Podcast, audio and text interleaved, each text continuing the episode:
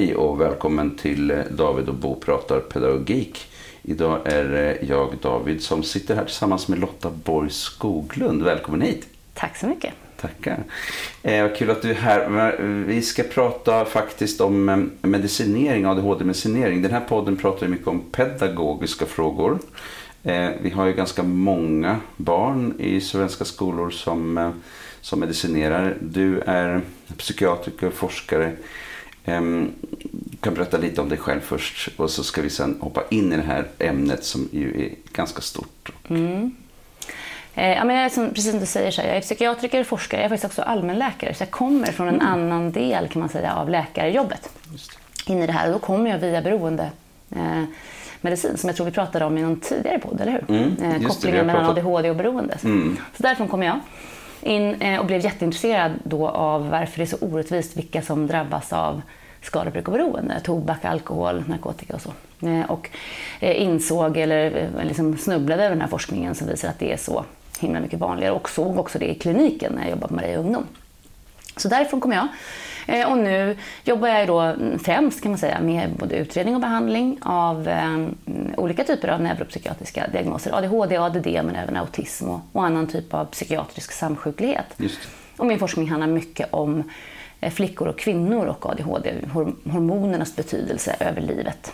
Just det, och du har mm. skrivit eh, en specifik bok just mm. om det.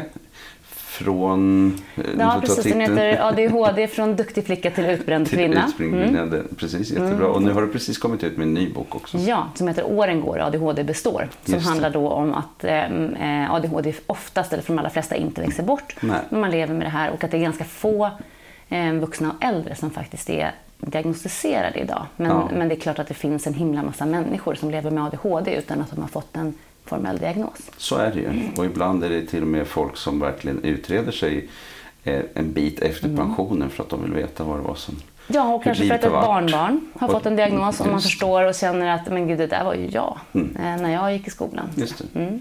Just det.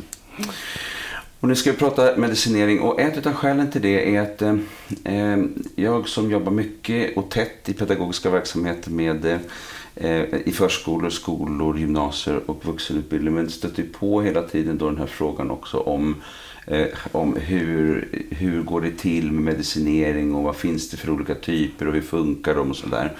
Ehm, eh, för att vi måste ju alltid göra en mängd olika pedagogiska insatser vare sig man medicinerar eller inte. Mm.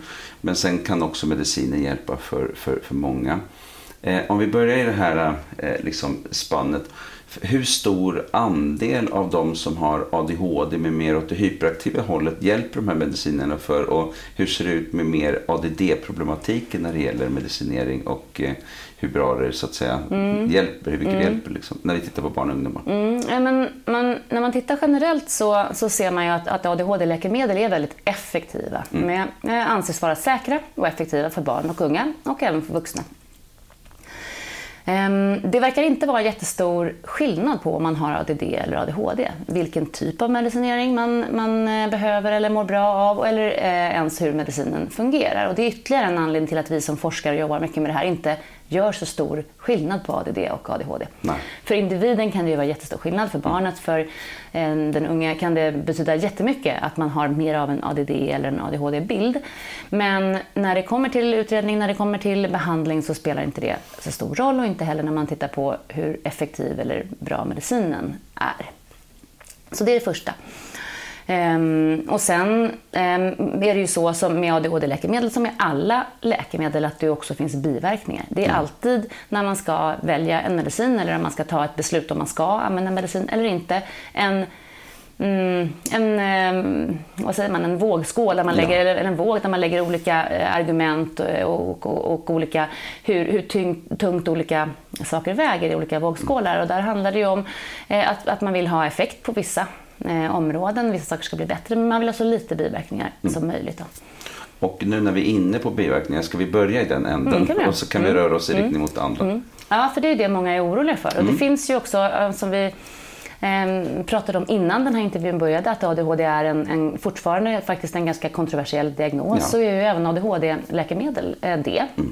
Av olika anledningar. Och jag tänker att det jag främst kan sympatisera med, det är ju att vara förälder eh, och att välja åt sitt barn eh, att barnet ska använda medicin för någonting som är faktiskt barnet. Det här, mm. ADHD är ju, att liksom, det är ju inte, man är ju inte sin ADHD men det är ju till stor del också, eh, blir ju till stor del också en del av hur ett barn är och beteenden som ett barn gör.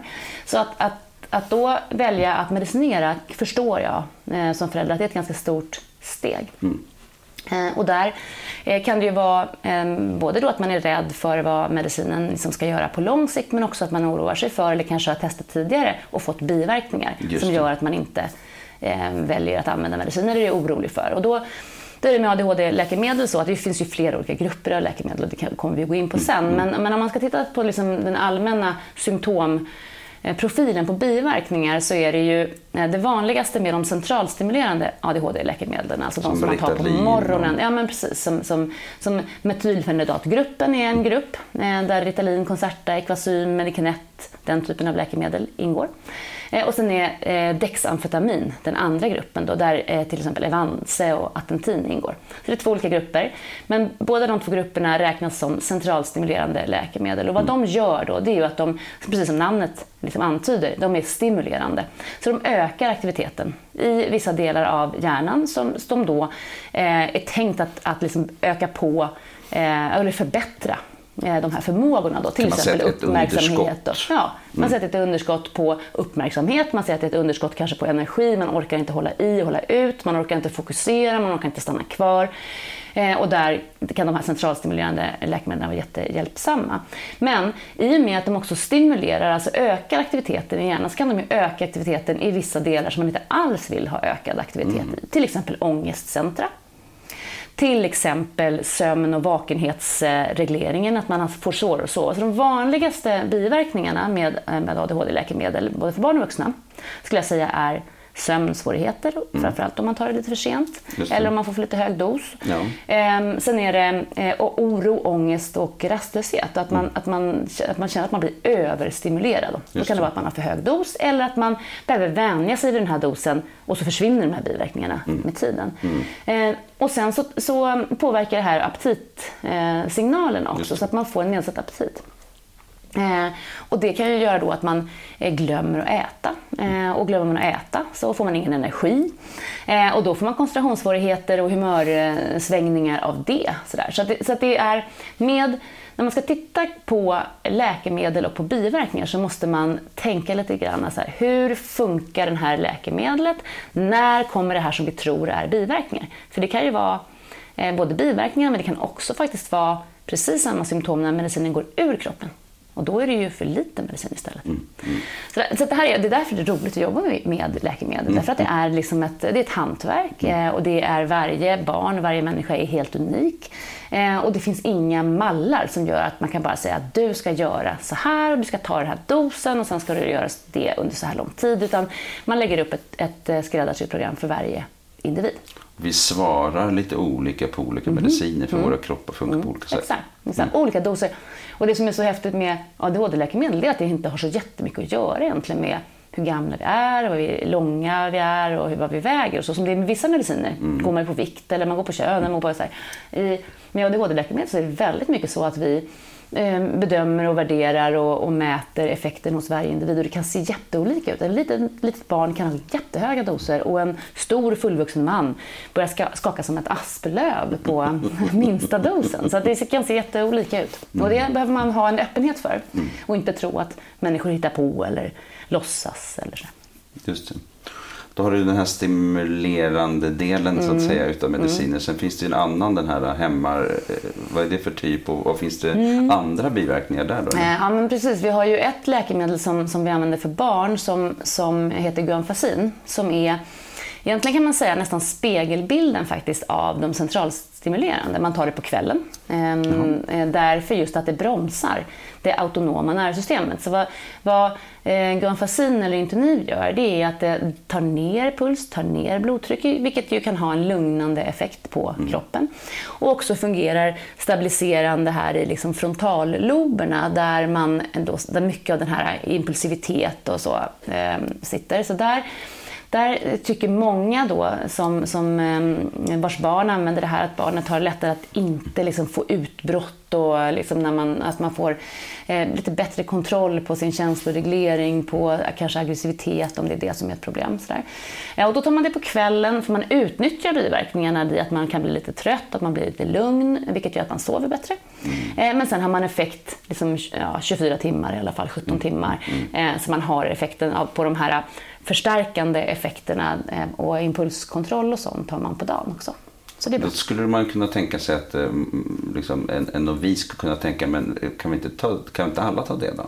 Ja, eh, eller vad tänker men, du? Nej, men liksom istället, ja. istället för de där stimulanserna. Men det är Jaha, ändå nej, så men, att det, ganska det funkar så, på lite olika ja, sätt. Precis, ganska ofta kombinerar man dem ju. Jaha. Ja, mm. Så att man har, för att, för att de gör lite olika saker och, och, och än så länge, ADHD är ju en sån himla komplex eh, diagnos. Mm. Så att det är eh, ofta ganska svårt att komma hela vägen eh, för varje barn med bara en medicin eller bara ett preparat eller bara en dos. Och det är väl därför som man, man som, som eh, det är det här lilla hantverket då, att man, man, man, kommer, man kommer åt vissa ADHD-symptomen kanske med de centralstimulerande på morgonen. Eh, man kanske får vissa biverkningar, men då om man lägger till ett annat preparat så kan man dels hantera de biverkningarna men också komma åt några symptom som man inte får så bra effekt av. Mm. med den första medicinen. Så, så, så, jobbar man ofta när man, när man tänker kring läkemedel då, som läkare. Jag har stött på en del barn som eh, då har prov, där föräldrarna har provat medicin med, med sitt barn och eh, där det har blivit en väldigt sådär katastrofal mm. liksom, effekt. Mm. Kanske ångest, mm. inte självmordstankar, mm. alltså ja. sådana typer av saker. Och sen har man liksom backat och blivit mm. rädd och vill mm. inte prova någonting mm. alls. Och sådär. Kan man säga att det alltid går att hitta rätt? Är det mest ett hantverk liksom? Eller är det så att för vissa så är det egentligen inte riktigt möjligt för det, det blir inget bra. Liksom. Ja, för vissa är det nog så tyvärr, mm. att det liksom kommer aldrig riktigt att, funka och vi vet mm. ju inte riktigt varför det är så. Eh, och ofta så, och det tycker jag också att man gör rätt i, att man ska göra flera olika försök och tänka i olika banor och sådär. Men ibland kommer man liksom inte fram tillräckligt mycket och då får man titta på andra strategier utan läkemedel. Men, men ganska ofta kan man ju genom att trockla och vända och vrida lite grann på, på saker och ting ändå komma fram till någonting som funkar hyfsat. Och sen är det en viktig, eh, tycker jag, insikt också att, att ett barn som är fem år, det, även om det är samma individ, så är det inte samma hjärna när det barnet är tio. Det är mycket Nej. möjligt att någonting som inte funkade då mm. fun kommer funka nu. För att delar uh, av hjärnan har mognat eller man är mer med på att, ehm, att eh, nu vill jag verkligen ha hjälp med de här sakerna så att ett äldre barn kan liksom, hantera biverkningar på ett annat sätt utan att bli rädd. Eller så så det, det finns jättemånga olika aspekter av läkemedel som inte har med själva läkemedlet att göra utan har med just det psykoedukativa runt omkring. Att vi som arbetar med läkemedel förstår att um, det här är liksom inte bara ett piller som man ger till någon och sen så får den sköta det själv. Utan det är väldigt mycket som, som vi gör runt omkring som avgör om någon kommer känna sig trygg med att ta det här läkemedlet, vet vad de ska vända sig om de har några frågor. Eh, känner att de vet vad de kan förvänta sig av det här läkemedlet och vad man inte kommer få liksom någon effekt av. Att man har realistiska förväntningar på det. Eh, att man är förberedd på eh, biverkningar men inte utgår ifrån alla kommer inte få det. Nej. Sådär. Så, så det finns mycket som, som om man, man känner en trygghet i det. Eh, och där, där är det ju en, en, det är en, en balansgång där med. för att jag måste ju också kunna erkänna hur lite jag faktiskt vet om det här som läkare. Alltså jag vet massor om um, ja, men kemin och jag vet massor om, om liksom på, på eh, gruppnivå om hur jag kan tänka kring de här läkemedlen och jag har ju alltid en väldigt, väldigt stor säkerhetsmån när jag eh, jobbar med läkemedel. Men jag kan ju omöjligt veta hur det kommer bli för just dig Nej. eller varför det blev så här för just dig. Utan där måste vi jobba tillsammans, jag och patienten. Och ju äldre barnen blir, eh, desto, desto oftare så, så knyter man ju den alliansen med barnet själv så att man kan få förstahandsinformation. Just eh, och jobba framåt så. Um, sömn var en jättestor sån där fråga. Uh, om vi tittar på de här biverkningarna och hittar på, tittar på alternativ. Då. Men, men uh, finns det någonting som kan hjälpa till med sömnen förutom det där läkemedlet som du pratar mm. om som också kan vara betydelsefullt för de eh, barn eller ungdomar som liksom får problem med sömnen. Mm. eller byter man alltid preparat och minskar eller hittar andra former? Eller hur? Ja, det är ju en strategi. Mm. Men, men tänk om man har jättebra effekt och verkligen vill ha kvar det här. Då, nästan så. Alltså, då finns det lite olika strategier. En strategi är att ta det tidigare. För mm. att de här centralstimulerande läkemedlen de kan vara kort, eller medellång eller långverkande. Så det handlar lite grann om hur lång tid liksom har det här läkemedlet effekt i kroppen. Är de designade så att det finns liksom nästan en tidsaspekt mm. instoppad i tabletten? Ja. Okay. Ja, det, är de, de är, det finns jättesmarta saker och, de, och det här är ju tänkt just för att man ska kunna få en jämn effekt över hela, över hela dagen. Typ arbetsdagen för, eller skoldagen. Liksom. Precis, mm. därför att de här, liksom, grunden av de här substanserna de kan ju vara beroendeframkallande. Alltså mm. i, i den här snabba, eh, snabba tillslaget, snabba varianten av ADHD-läkemedel, det skiljer inte sig så mycket så, från amfetamin eller kokain. Mm. Det är samma typ av kemiska substans. Just det, men i mycket lägre dos då? Mycket lägre dos. Men, men de kan ju användas på fel sätt och det vi inte vill det är att de här doserna ska gå, gå, göra det som, som narkotikaklassade, ja men precis, mm. som, som saker som man blir beroende av gör, nämligen snabbt in, snabbt ut ur mm. hjärnan. Mm. Så, så genom att de är designade så att, att det frisätts lite hela tiden mm. i olika mängd, så då kan man liksom styra det via olika fiffiga eh, uppfinningar. En, eh, kan det vara en kapsel som frisätter lite, mer när kapseln passerar genom tarmen så, så, så sugs det in vätska och så pressas det ut lite lite mm, mm. Eh, medicin ut med sig. Man kan styra det eller, eller molekyler som kopplas av via enzymer som finns i röda blodkropparna. Mm. Sådär. Så superavancerade, ja, men mm. superavancerade eh, system men som är, är liksom, eh, byggda för att de här läkemedlen ska kunna vara säkra Eh, även för barn. Då. Mm, mm. Eh, men det kan ju också göra då att man kan få lite för lång frisättning. Då. Mm. Att man tar det på morgonen och sen så liksom slutar det liksom inte frisättas. Och då kan det vara så att man flyttar det ta det lite tidigare. Ibland säger jag, men ställ väckklockan en timme innan. Ta din medicin eh, och somna om. Mm. För då har ju dessutom medicinen börjat verka. Det tar kanske en halvtimme, timme innan de här lite långverkande mm. har sin effekt. Så då kan man gå upp när klockan ringer och vakna som en, som en vanlig icke-ADHD-person mm. för att man har redan medicinen i sig. Annars så behöver man ju då gå upp, göra de första delarna av sin morgon med det här motståndet som ADHD innebär och sen så kommer medicinen när man kommer till skolan kanske eller så. Mm. Så det kan vara ett sätt. Eh, ett annat sätt är väl att, att eh, minska dosen och liksom ta den. Liksom då, att, att då får man lite mindre effekt men, mm. men man får åtminstone sova. För sömn är också en sån där luring att får man inte till den då får man ju ADHD-symptom av det. Av det. Ja. precis. Ja. Så det, det, det, kan man ju aldrig kompromissa på. Men sömn och aptit kan man aldrig kompromissa på när det gäller barn. Mm. Barn måste Nej. gå upp i vikt, de måste växa. Mm. Ehm, och de måste ha energi under dagen så de orkar och kan lära sig saker. Ja. Ehm, och de måste sova, för det är mm. också ett sätt att, att den kunskapen man får i skolan ju, att den fastnar och, och att man mår bra. Så, så det, det ju, eh, går ju aldrig att kompromissa på. Så därför får man hitta fiffiga sätt. Eh, och ibland handlar det om, om att ändra dosen, ibland handlar det om att ändra läkemedel och ibland handlar det om att flytta runt lite grann. Och ibland handlar det om att lägga till något läkemedel på kvällen. Till exempel melatonin eller till exempel något annat som inte är beroendeframkallande men som funkar för sömnen. Också. Mm. Och eh, du nämnde eh, kost och jag tänkte komma in på det också. Eh, jag har också stött på en del barn som, har, har som har, ligger väldigt lågt viktmässigt. Mm. Och, man, och det finns en oro för liksom att man, man får inte i sig helt enkelt. Hur kan man tänka där? Och är det så att man ibland använder sig av dietister? Eller jag har i alla fall uppfattat det som att man gör det kanske lite för sällan. Ja. Men jag vet inte, vad tänker jo. du? Arbetsterapeuter och dietister, ja. borde vi, de borde vi hylla. Ja, men de borde få en renässans tycker jag. Därför att där, där har vi så mycket av den kunskapen som faktiskt ADHD-livet handlar om. Ja. Både att vara förälder, eller att vara barn eller att vara vuxen med ADHD. Dietist och eh, arbetsterapeut. Just därför att det är så mycket av de här livsstilsrelaterade mm. faktorerna som är så himla svåra att få till i ADHD-familjen eller i ADHD-livet. Um, så absolut. Eh, och där är dietisterna mycket mer än att de säger åt oss liksom att du vet väl att det är viktigt att du äter broccoli. ja. men det är Nej, så, man, man, har en sån, liksom, så, ja. sån, sån fördom hade jag om dietister mm. och sån fördom hade jag om arbetsterapeuter också. Så här, nu ska de lära mig att öppna en skruvkork. Så här. Nej, det kan jag redan. Nej, men, men, men det är ju inte det, utan, utan ADHD handlar ju om att man vet men man får ju någonting till det. Mm. Så där handlar ju dietistens liksom, uppgift om att se till, men hur bygger vi liksom, saker som kan bli, alltså kostvanor som kan bli rutiner, mm. som kan gå liksom, på autopilot. Hur bygger vi autopilot i ditt liv? För det är autopiloten som ofta saknas. Det blir så ryckigt och så utan rutiner. Så ja, jag skulle också slå ett slag för dietisterna där. Mm. mm. Just det. Eh, ibland hör man också om folk som liksom tar uppehåll under eh, helgelov, somrar mm. för att just eh, för tillväxtfrågans mm. skull. Är det vanligt eller gör man var, på andra sätt ja, idag? Jag tror att det var vanligare förr. Ehm, och nu så, så ser man ju liksom att ADHD tar ju inte sommarlov, Nej. det tar ju inte helg och sådär. Och ganska mycket av det som, som är ADHD-livet och som är jobbigt för, för barn med ADHD pågår ju även i familjerna. Mm. Och då kan man tycka att det är lite orättvist för de här barnen och deras föräldrar att medicinen ska få funka i skolan men sen så ska man komma hem och så ska det bli de här bråken med syskon och kaos. Så, att, så att på, på så vis, på, har man en medicin som fungerar, som har rimliga biverkningar eller inte så mycket biverkningar så, så finns det ingen alls anledning enligt forskningen att göra uppehåll. Snarare att det kanske är bättre att hjärnan får lugn och ro och ställa in sig på att det är så här det funkar nu.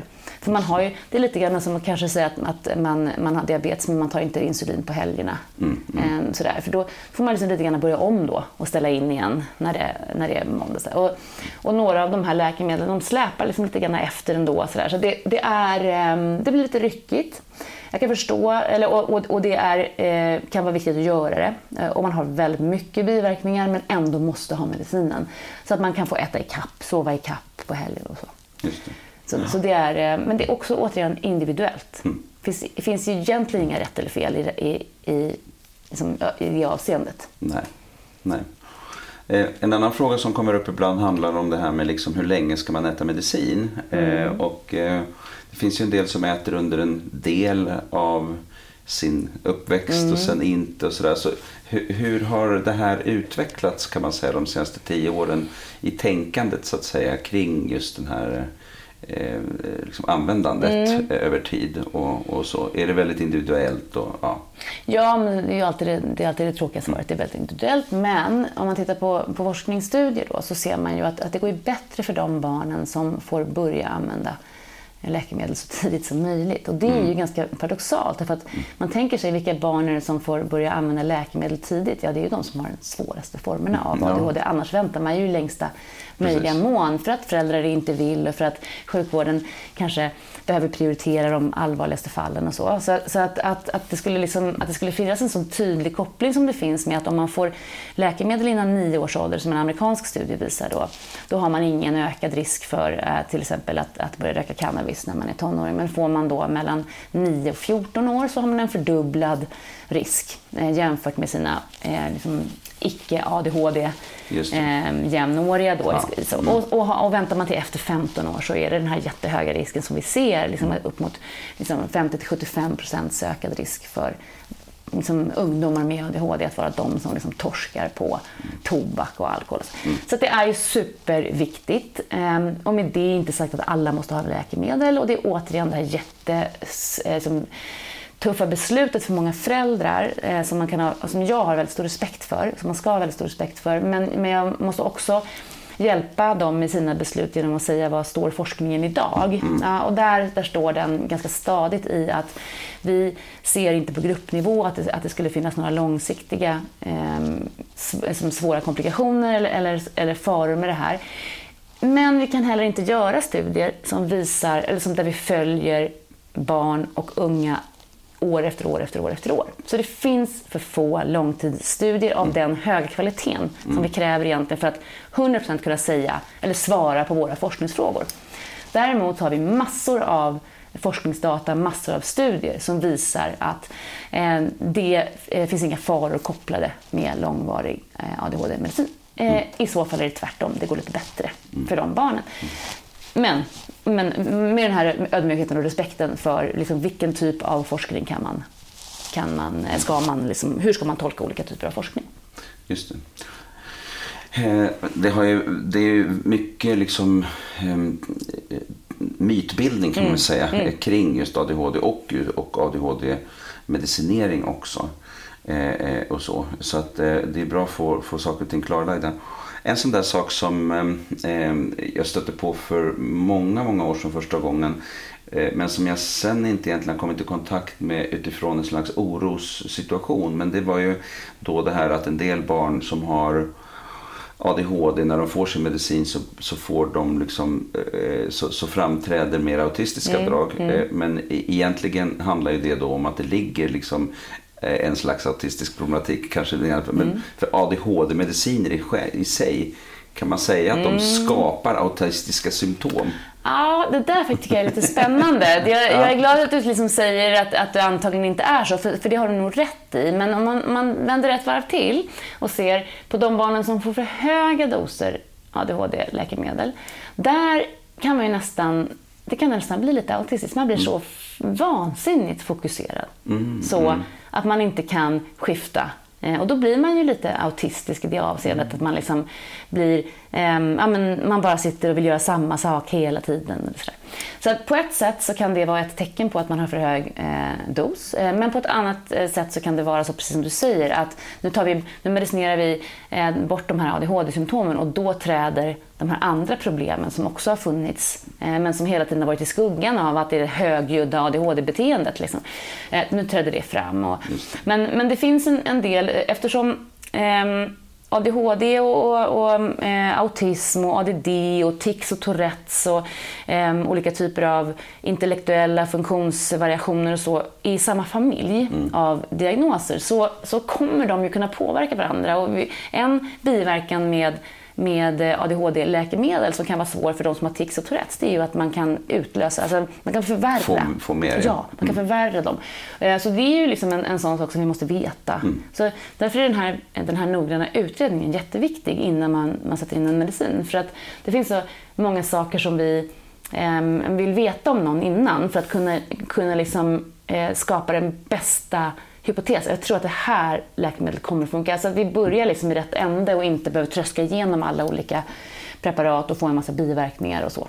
Eh, för då tappar man ofta barnen. För de kan ju inte förstå varför vi ska hålla på och experimentera med dem. Ehm, och utan, utan man, det är lättare när man har en vuxen person att, få, att förklara för den att ja, men nu testar vi det här och funkar inte det så testar vi nästa och mår du jättedåligt på det så byter vi till det tredje. Medan ett barn, när de, jag, jag föreslår en medicin och sen så mår de jättedåligt. Tror du de vill komma tillbaka till mig då? Nej. Nej, litar inte på mitt smack. Så att jag, jag måste vara ännu smartare och ehm, ehm, ännu mer lyhörd så att jag eh, ja, men sätter ihop det bästa möjliga eh, behandlingspaketet på första försöket. Ja, just det. Mm, mm. Så lyckas jag inte alls. Nej. Eh, särskilt ofta, eller så här, men inte alls alltid i alla fall. Ibland eh, är det bara som en smäck. Det är, funkar så bra. Och då, det är ju jätteskönt. Ja, det är ju fantastiskt roligt förstås. Men det ska man nog inte hoppas på tror jag. Nej. Utan man, ehm. man ska nog vara inställd på att det här kan bli en, en liten resa där vi tragglar lite fram och tillbaka och, och sen hittar vi till slut det som ska funka. För kanske 10, 15, 15 20 jag vet inte, eh, år sedan så kom eh, Socialstyrelsen med en rapport som sa att det var så här typ 3-5 procent. Sen har man börjat prata om eh, 3 till 6, 4 till 7, 8. Alltså, eh, någonstans här ligger det, eh, typ kring 5 eller någonting sånt där. Eh, Jag läste också någonstans om att vi har ju mycket fler i vissa regioner som har diagnoser.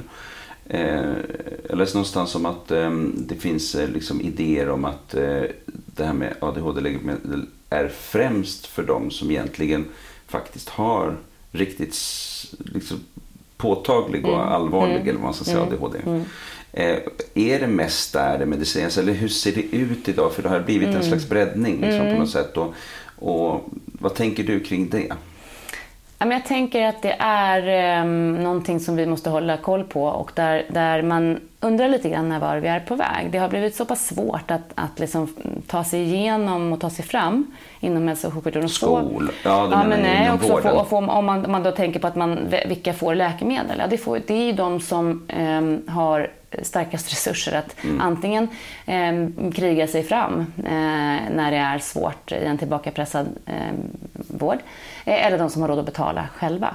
Och det är väl inte riktigt så det borde se ut va? när nej. man tänker på vilka som bör ha Likvärdig störst vård behov. Och så ja, så, så det, det tycker jag är ett problem ehm, som jag inte har något direkt svar på för att det är så stort. Liksom så. Och sen är det andra, tycker jag, och det, det du är inne på, det är att i riktlinjerna, i svenska riktlinjerna har stått att, att eh, läkemedel är till för dem där andra insatser inte har visat sig tillräckliga. Ja.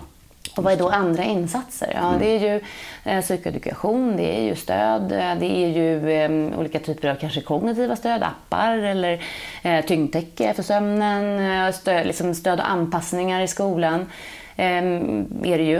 Eh, där är det också väldigt olika hur mycket kunskap och ehm, eh, resurser det finns att sätta till i, i en skola idag. Så, så på det sättet blir det också lite problematiskt att då kommer vi också vara tvungna att medicinera många fler om vi inte har möjlighet att skapa en ADHD-vänlig skola eller en NPF-vänlig skola eller en skola för alla. Om, om en skola om det bara funkar för dem i skolan som är liksom inom den här smalare normen av kanske ja, 40 procent av barnen som, som har hjärnor som funkar på det här sättet, som är mognadsmässigt kommit till den här nivån. Lägger vi ribban där, vilket jag tror att vi gör idag, så kommer vi nog få acceptera att 25 procent av alla barn eh, behöver en diagnos för att klara skolan. Eh, ja, där, där tror jag att vi är. Mm, mm. Där tror jag att vi är. Och det behöver vi lyfta så pratar man liksom mer om 10 procent. Ja, men det är rimligt tycker det, jag. Det är rimligt. Och det kan vi som... också, precis. Och, och, det, och, och det är väl kanske det som, som, vi, som vi tänker oss att det borde vara. Eh, men sen har vi också ett samhälle och en skola som har förflyttat sig väldigt snabbt åt ett annat håll. Mm. Som då, eh, när man skapar essensbegreppet eller när man skapar de här diagnosbegreppen så handlar det om att det är ett antal barn som ligger så långt ut på normalfördelningskurvan i de här egenskaperna att det blir svårt för dem att klara skolan mm. när skolan är, är strukturerad på det här sättet. Men nu har vi istället en skola som är omorganiserad på ett sätt så att det blir så, så många fler procent av barnen som inte klarar skolan vid den här ja, åldern, vid den här mognadsgraden. Och det, vi måste liksom orka hålla de här två sakerna i, i huvudet samtidigt, så då får vi välja lite grann. Vill vi fortsätta med den här typen av, av liksom pedagogik över, överlag sådär, så, så måste vi nog acceptera en väldigt mycket högre grad av diagnoser. Mm. Vill vi inte att alla barn ska behöva diagnoser och läkemedel, då behöver vi tänka till lite grann. Då behöver vi flytta in hjärnforskningen i skolan. Då behöver vi flytta in eh, tankar om hur barns utveckling och barns hjärnor fungerar och hur, hur, att alla hjärnor är olika. Det behöver vi nog flytta in i skolan, för idag är det inte riktigt det Skolan är en annan typ av värld än vad den vi jobbar med inom psykiatrin och när vi mm. kartlägger barns förmågor och funktioner och så.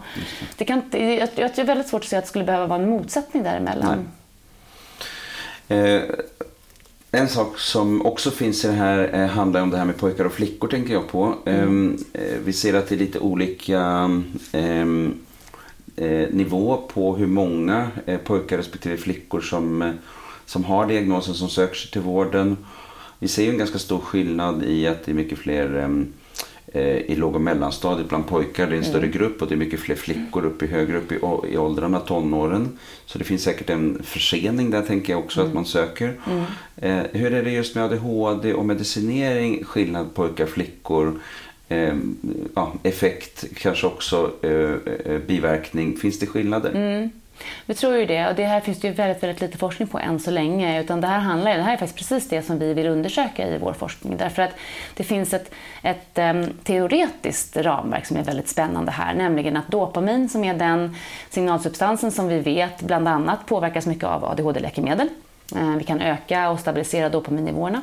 Eh, dopamin påverkas också mycket av östrogen. Och östrogen är det kvinnliga könshormonet som varierar ganska dramatiskt under en menscykel och, och som börjar också och, eh, variera några, så här, det börjar att öka i, i nivåer eh, innan puberteten ungefär. Ungefär där, där flickor och kvinnor börjar rapportera tilltagande psykisk ohälsa. Mm. Så någonting handlar det ju om hormoner här. Eh, och de får sina diagnoser, visade vi i vår senaste studie, fyra år senare än pojkar. Fyra, det betyder också att de får sin, sin medicinering fyra år senare. Det betyder också att de har sökt en massa annan vård i eh, hela hälso och sjukvårdssystemet flera under flera år, fått en massa andra mediciner under de här åren. Så det här är, är flickor som har eh, varit runt som ett flipperspel nästan i vår, i vår, och vi har träffat dem allihopa och vi har tänkt vad sjutton ska jag göra för den här tjejen? Eh, och så får hon sen sin ADHD-diagnos och så får hon sen eh, läkemedel och så funkar det förhoppningsvis. Då. Eller så gör det inte det. Därför att vi har inte eh, ännu så är det väldigt, väldigt få som frågar den här tjejen om hon har, om hon har biverkningar. Om hon kommer tillbaka och så säger hon när hon är 13, 14, 15 år sen ah, den här ADHD-medicinen funkar inte alls. Eller jag har alldeles för hög dos. Eller det händer ingenting. Eller eh, så här, det här är skitdåligt. Så, så, frågar jag inte henne var någonstans hon är i hennes menscykel. Så kan det vara så att hon har tio gånger för hög eller tio gånger för låg dos. Mm. Beroende på om hon är före eller efter sin ägglossning. Mm. För du har ju östrogennivåer som ökar och sen vid ägglossningen så sjunker de och stabiliseras. Så, så beroende på var någonstans du är i din menscykel så har din ADHD-medicin helt och hållet olika effekter. Eh, vilket inte alls är så för killarna, för de har ju jämna nivåer när de väl är ur puberteten. Så. Så, det är en jätteviktig sak som vi inte har alls undersökt än så länge. Och, som här har man inte egentligen designat medicinerna för Nej. att passa ihop Nej. med, med den variationen i östrogenvariation. Nej. Utan därför, där är vi också lite grann att få testa oss fram. Så där, det gör ju vi som har den här kunskapen mycket. Att vi, vi testar och ser om vi kanske ska ha lite lägre dos de här eh, dagarna innan mens eller den här veckan. Eller kanske ska ha lite högre dos där så att du efter mens att du inte får så mycket PMS och inte får så mycket humörsvängningar och sådär. Men, men frågar vi inte, då, då, då blir det farligt eh, liksom likt att, att eh, det här är inte någon bra medicin för den här tjejen. Det här är nog inte ens ADHD. För det här är en massa andra symptom som verkar mycket stökigare än så. Va? Så att hormoner är jätteviktigt. Ehm, och vi kan inte runda dem om vi ska förstå ADHD hos hela mänskligheten. Det finns ju eh, eh, en hel del utav det här starka känslomässiga svängningar. Eh, eh, hur mycket, och när det finns i kombination då med ADHD, hur mycket hjälper då medicinen att stabilisera en del av de där starka känslomässiga svängningarna? Ja, men vi tänker, så det är relativt liknande eh, områden och mekanismer i hjärnan som är inblandade när vi tänker på svårigheter att reglera uppmärksamhet, svårigheter att reglera impulsivitet och svårigheter att reglera känslor. Eh, inte exakt samma saker, men det är snarlikt. Och, och även om inte mm, känsloreglering eh, finns med i diagnoskriterierna så är det nästan reglen, mer regel än undantag för, både för barn och vuxna och för både flickor och pojkar. Ju. Eh, så det är ju en stor grej. Där har man ju börjat, där vi börjat titta lite grann på eh, om, om ADHD-läkemedel skulle funka även för den här känslomässiga impulsiviteten. Och lite blandade, blandade fynd där. Ehm, när man har en sån här emotionell instabil personlighetssyndrom också som kallades för borderline tidigare. Just det, precis. Eh, vilket ju är en väldigt vanlig och som en systerdiagnos kan man säga till ADHD. Ehm, så har man ju utöver då den här känslomässiga instabiliteten också lite andra svårigheter som kan vara eh, ibland lite allvarligare än vad ADHD-symptomen kan vara. Också typ alltså ångest? eh, Ja, stark typ- ångest, man kan ha självskadebeteenden man kan ha, man kan ha andra typer av, av med övergivenhets, eh, som rädsla för att bli övergiven och, och eh, som, som eh, ofta är, är ytterligare ett snäpp upp eh, från det som man upplever med vid ADHD. Eh, och då kan det vara så att, att ADHD-läkemedel funkar för en, en del av de symptomen men kanske inte för alla. För vissa så är, är det ju, blir det ju jättebra. Då försvinner liksom hela deras borderline-diagnos vilket ju är helt otroligt. Eh, I ganska många fall så är det inte så enkelt faktiskt. Just det. Eh, Och då kan det också vara så att man medicinerar med annan typ av medicin där eller är det Mm. mer annan typ av behandling samtidigt också? Ganska ofta kombinationsbehandling. Ja. Mm. Så, så det, det är lite det här, en olycka kommer sällan ensam, samsjuklighet är regel snarare än undantag. Så att det är liksom så att man, man, man måste tyvärr räkna med att har man en diagnos, då är man liksom eh, absolut i riskzonen för att ha ytterligare. Så att har man ADHD, då har man högre risk att ha borderline, eller APE som det kallas för, eller som det heter. Eh, Man har högre risk för att vara bipolär, man har högre risk för ångest, depression, man har högre risk för ätstörning. Man, säger, det, det är liksom inte så att nu har vi det, eh, det är det här. Utan, utan man måste alltid tänka, vad finns det i skärningspunkten av alla de här di- diagnoserna? För det är där vi kan rikta in vårt, vår första behandlingsfokus tycker jag. Sen kan vi också behöva tänka kring behandling i de andra diagnoserna för sig. Också. Jag har också funderat över det här med monitorering av, eller vad ska man säga, det finns en slags eh, informationsflöde som handlar om att ehm, eh, till exempel eh, från föräldrarna till doktorn, från doktorn till föräldrarna, sen från föräldrarna till skolan, sen från skolan till föräldrarna till doktorn. Eh, det, och den där informationsflödet från skolan till föräldrarna till doktorn, den är inte alltid så klockren. Liksom.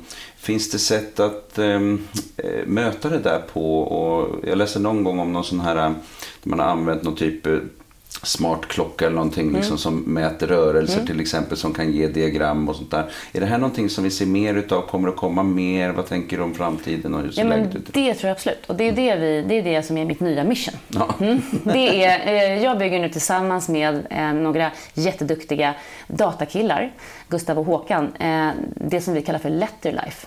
Och det är då bokstavslivet, tänker vi. Och då är våran vår vision här är ju att gå utanför diagnoskriterierna. Det ska inte spela så himla stor roll. Utan några bokstäver, eller hur? Alltså det är ADHD, ADD, OCD.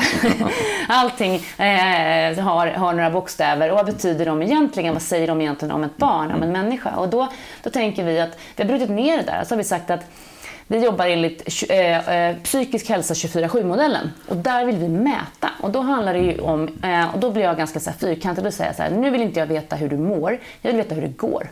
Mm. Eh, och jag vill att du ska veta hur det går för dig, för om du vet det, då kan du ta med dig det beslutsunderlaget till din lärare, till din skola, till din förälder och säga Titta mamma, så här ser det ut för mig. Mm. Och det här kommer ju sig av tjejerna, så vi börjar ju med tjejerna förstås. Vi börjar med deras hormoncykel. Mm. Där kan vi mäta den genom att de antingen rapporterar in sin hormoncykel eller att de har en liten sån här eh, smartwatch eller en liten eh, ring på sig som kan registrera deras kroppstemperatur, för då kan vi se ägglossningen. Mm. Jättesnyggt. Sen kan de lägga in vilka läkemedel de tar, de lägger in vilka eh, delar av deras liv som de upplever som det mest utmanande. Och så kör vi den här 24-7-modellen och då är det tvåan i 24-7.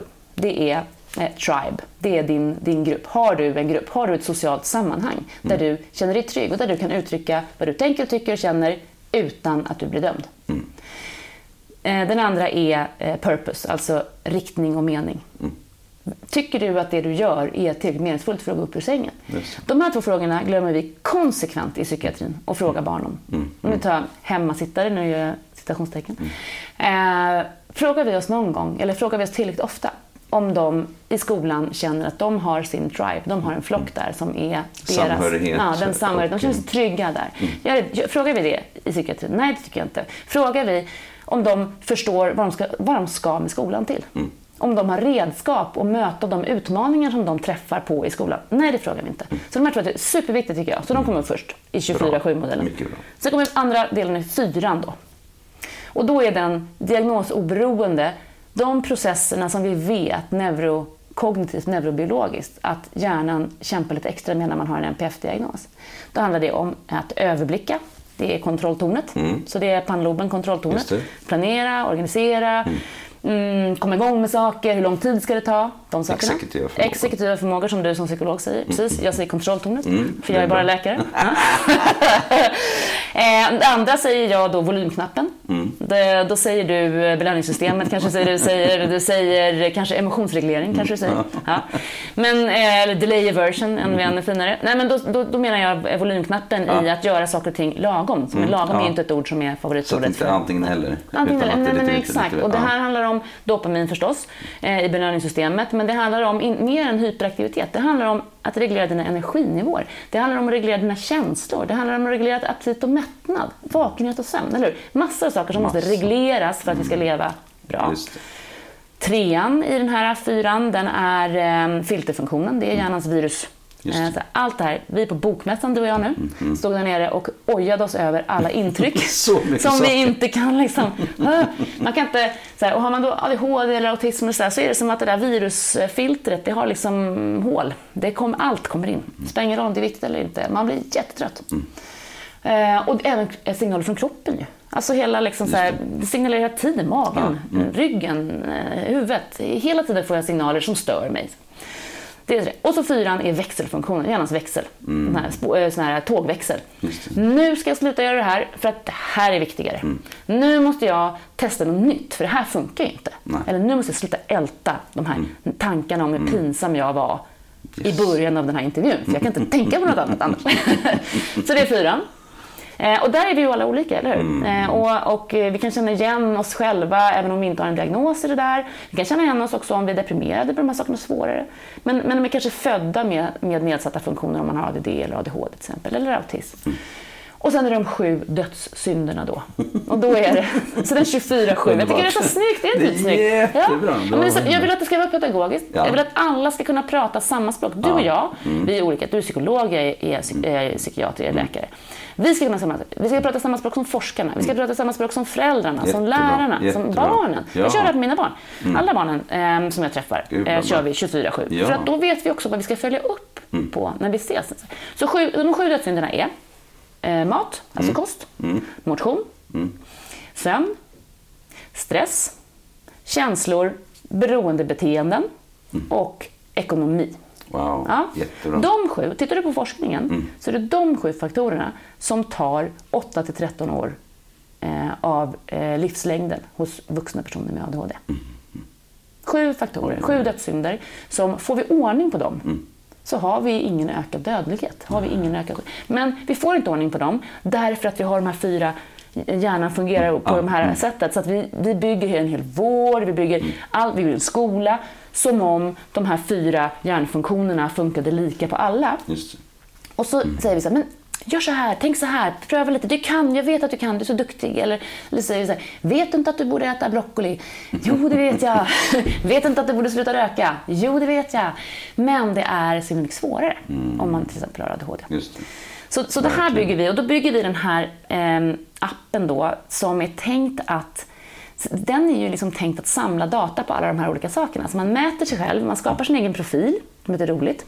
Eh, och, och sen så, så, mäter man sig själv på de här olika och då kan man ju se, det ser jättesnabbt. Jag har redan 500 tjejer som använder det här. Då ser man ju när deras menscykel varierar att det blir mycket svårare att ta sig iväg till träningen, mm. man bråkar mera med mm. så här. Så all den här, som de säger, clusterfuck, shit hits the fan, som tonårstjejerna med ADHD säger så här, ja, de har ju rätt, vi ser det. Mm. Och då, då är det ju där vi ska liksom hjälpa till och stötta för dem. För att det här, det här dåliga som händer för dem under den här perioden, det har ju, har ju konsekvenser långt utanför de dagarna när de har PMS eller sådär. Eh, och även killarna kan följa sig på det här eh, och få sin egen data och sen kan man gå till sin läkare och säga, titta här, de här sakerna funkar fortfarande inte för mig. Istället för att du kommer till din läkare och säger, David, hur har du mått sen sist? Ja. det är self-monitoring och ja. i det tänker jag som är så, smart också... så är det ju Precis. det här att mm. bli självmedveten som ju är en Exakt. process över tid. Exakt. Men att det möjligen faktiskt skulle kunna hjälpa till i att lite snabbare bli mm. självmedveten. Mm. Och det tycker jag är jätteintressant det är med den här self-monitoring. Mm. Det är ju det det blir. Dels mm. så får du ju liksom en liten, du får ju en liten du sorterar ju in dig själv i ett fack Just. där du kan hitta andra som funkar ja. som du och ta råd från andra som funkar som du. Så det är en skithäftig grej. Men det stora det är ju det här self-awareness och self-efficacy och det som är empowerment. Nu finns det ja. inga bra Verkligen. ord på svenska Nej. för det där rackarns. Mm. Men det är så kraftfullt att se när man förstår att det är så här det hänger ihop. Mm. Och att det inte är någon annan som behöver säga det till en. För Nej. det är det som är så provocerande när någon mm. säger, men Lotta, har du PMS? Mm. Igen. Nej, precis. Mm. Men om jag ser det själv mm. och om jag dessutom kan skicka små meddelanden till mig själv i framtiden, för det kan jag göra här i Letterlife. Då säger jag så Lotta, ja, om två veckor, du, eh, be din man att ta det här eh, kvartssamtalet med er son som har ADHD i årskurs 7 i skolan. Därför att du kommer inte att bete dig trevligt då. Nej. Du kommer att spåra ur. Eh, för att då blir det känslosamt och så har jag en sämre period hormonmässigt då. Mm. Så är det dumt att vi utsätter oss för det. Mm. För det kommer i slutändan vara sonen som blir straffad för att mamma är en idiot. det kanske ni känner igen. Ja. Nej men du förstår.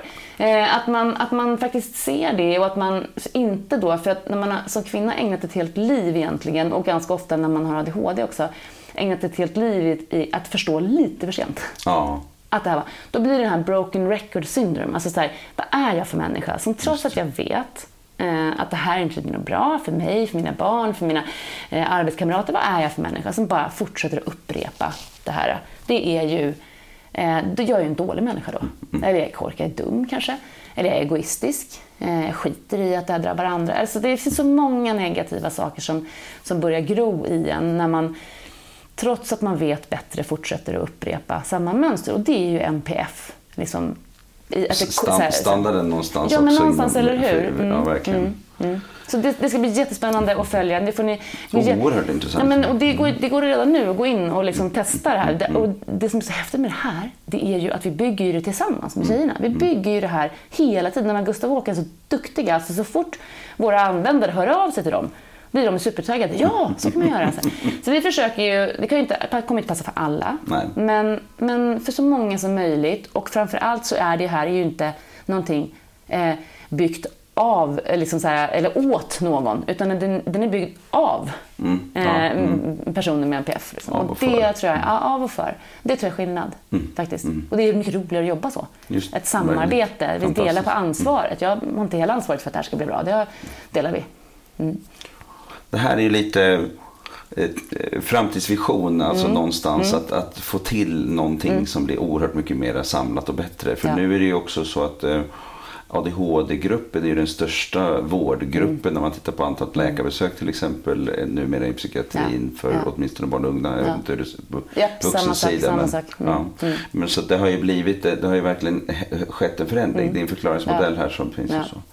Eh, eh, bara för att vi ska avrunda lite, men eh, är det någonting mer som, som du ser framför dig liksom framöver som, kommer, som vi kommer att måste jobba med eh, ännu mer när det gäller just eh, till exempel ADHD eller på medicineringsfronten? Vad ser du framför dig? Eh, ja, men jag, Var är vi om 20-30 år? Liksom, jag, om, vi, om, om, vi hoppas om 10 år så är vi där Danmark och Norge redan är. Att, att, att ADHD i största delen är en angelägenhet för primärvården. För mm. om det är någonstans man är duktig på de sju dödssynderna så är det eh, eh, ute på vårdcentralen. Mm. Eh, så det är min dröm. Därför att det finns en massa Eh, högfungerande personer som i och med eh, sin, sin diagnos, i och med läkemedelsbehandling har, har just blivit högfungerande barn och unga och vuxna som kommer leva med de här diagnoserna och behov av sina läkemedel ett helt liv. Mm. Och att de är livstidsdömda till ett liv i specialistpsykiatri, det skapar ju ett sånt här eh, ja, men det skapar ett, ett ehm, eh, olyckligt, eh, ett olyckligt scenario där ADHD tränger undan annan specialistpsykiatri. Vilket är jätteallvarligt. Eh, det, det, håller på, och det här, vi står och pratar medan det händer och det knakar. Liksom. Det, det, tycker jag är otroligt olyckligt. För att, för att det, det, finns mycket bättre sätt att lösa det här på. Det, in, behöver inte, det är inte rocket science, absolut inte. Så det hoppas jag att vi har kommit dit. Så att eh, det avdramatiserar det här lite grann. Det är så pass liksom vanligt. Eh, det finns inte så mycket... Det, det inte ska så inte vara så mycket... Som astmaallergi. Alltså det är inte liksom... nej, precis. Nej. Det, det, är klart att det behöver göras en utredning. Mm, det är mm, klart ja. att, att man, man behöver hålla koll på det här. Det finns grupper som är extra sårbara för att hamna i liksom skadligt bruk, kanske som använder de här läkemedlen fel. Det finns en massa sådana saker. Men det vet vi om. Mm. Det kan vi hantera. Mm. Så det, jag tycker liksom att det är så trögt är, är olyckligt, så det hoppas jag. Och sen hoppas jag att vi har mycket mer av det här som, som, vi, som vi bygger nu med självmonitorering, att få samla sin egen data, att ens egen data är värd något för eh, att jag kan dela med mig av den till de som ska ta beslut om min hälsa. Så jag blir en bättre och mer påläst förälder, patient eh, och, till och med barn. Just. Så det blir lite maktförskjutning, ja. eh, men också som är ganska skön för oss i hälso och sjukvården, för det är ju också ett ansvarsdelande. Så även om patienterna får makten, så med den makten så kommer ju ansvar. Mm. Alltså, jag brukar säga kunskap är makt och med makt kommer ansvar. Så, så, får du mer kunskap om hur du funkar, hur din hjärna funkar, får du en bra profil, får du din egen, sitta på din egen data och äga den, då, då har du ju massor av makt att förstå eh, saker om dig själv eh, och vad du behöver.